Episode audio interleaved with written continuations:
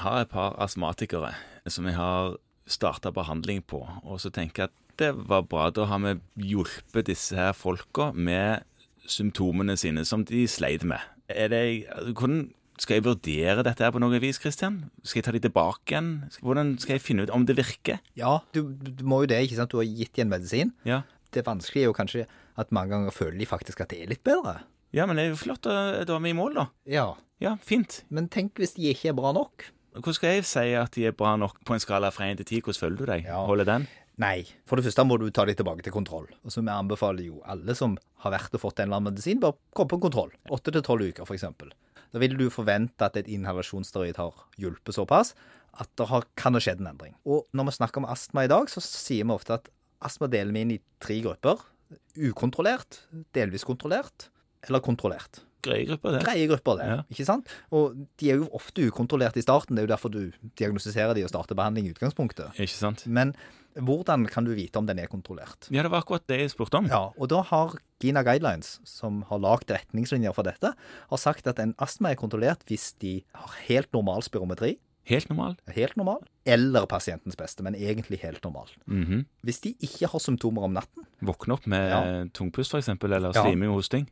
den typen ting, Ja, ok. veldig mange astmapasienter har det, hvis de ikke har begrensninger i daglig aktivitet, hvis de ikke har hatt en forværelse siste fire uker, Ikke en eneste de siste fire ukene. nei, altså da snakker vi om sånn som trenger behandling hos legen og Å sånn, ja, sånn, og så ja. videre. ja. Og hvis de bruker anfallsmedisinen sin mindre enn to ganger i uken. To ganger i uken er lov, mindre enn det. To eller mindre. Ja. Og hvis de har alt i orden, Så er de godt da kontrollert. er de godt kontrollert. Hvis de har én eller to av de, si at de bruker litt mye anfallsmedisin og er litt våkne om natten, Ja. så er de delvis kontrollert. Og har de tre eller flere av de, så er de ukontrollert. Og hvis de er ukontrollerte, da må du behandle mer, da? Da må du behandle mer.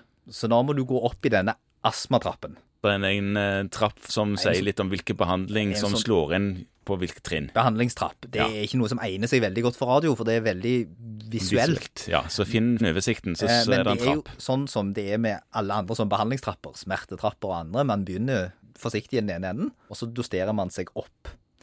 Det som mange lurer på, det er jo det at hvis du da har en pasient som er godt kontrollert, Ja. skal du da trappe ned behandlingen? ja, det er et kjempegodt spørsmål. Ja. Skal du det? Og det skal du hvis de har vært kontrollert i over seks måneder. Da kan du prøve å redusere. Ja. Så hvis det kommer Ola på 22 kommer til deg og har kjempegod kontroll på astmaen sin, Ingen nattlige symptomer, ingen anfallsmedisiner, ingenting, ingenting. så sier du at det er kjempefint. Da må du komme på kontroll om et halvt år, og så skal vi spørre deg akkurat de samme spørsmålene. Og hvis de fortsatt er like fine da, så kan vi prøve å redusere på medisinen. Og Det som er viktig med astma, er at astma er en sykdom som varierer av seg selv. Den er Sant. noen ganger dårlig, og noen ganger bra. Ok, Så han kan ha gode perioder, og så blir det dårligere perioder. Ikke sant? Ja, så Da er det jo i hvert fall viktig å styre behandlingen etter symptombildet. Helt riktig. Sånn at Derfor så krever det jevnlig kontroll og oppfølging. Jeg pleier for både kolleger og for pasienters del å sammenligne astma litt med eksem. og Det er fordi at de sykdommene henger litt sammen. Det gjør de. og de oppfører seg litt likt. Eksem er også en sånn sykdom som noen ganger er det ille, og så er det plutselig helt bra i to år, og så er det plutselig verre igjen. Du må liksom følge den behandlingen. Vi kan ikke liksom smøre deg inn med en sterk steroidekrem over hele kroppen hele tiden, fordi du av og til kan få eksem. Det høres eh, voldsomt ut. Derfor så trapper jo vi jo ned behandlingen. og De fleste pasienter og kolleger forstår jo veldig godt det når det gjelder eksemet. Det virker intuitivt fornuftig. Men når det gjelder astmabehandlingen, så har vi hatt litt mer tendens til å gi de det sterkeste medisinen som finnes i hele verden, og la de gå på det resten av livet. Og da er det viktig at vi tar de tilbake til kontroll, evaluerer om det nå er godt nok, og prøver å trappe ned behandlingen. Det Ja, er Vi mi- er ganske gode på å sette i gang med behandling. Vi er ikke så eh, rutinerte på å trappe ned igjen og ta vekk. Nei. Og så er det jo kjempeviktig, og det er kanskje, kan ikke sies nok, at når du har redusert behandling, så må du avtale kontroll med pasienten. For det kan være de må opp igjen. Det kan være de må opp igjen. Og mange av oss er ikke så gode til å ta kontakt sånn med en gang vi kjenner at ting er litt dårligere. Nei, Veldig mange av oss evner å utsette ting vi kanskje burde ha gjort. det Sånn høres at kjent ut. det er kanskje bedre å bare si det at nå har vi redusert behandlingen.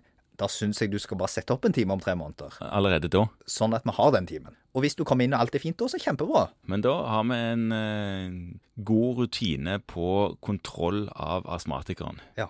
Både opp og ned i dosering. Både opp og ned. Fint.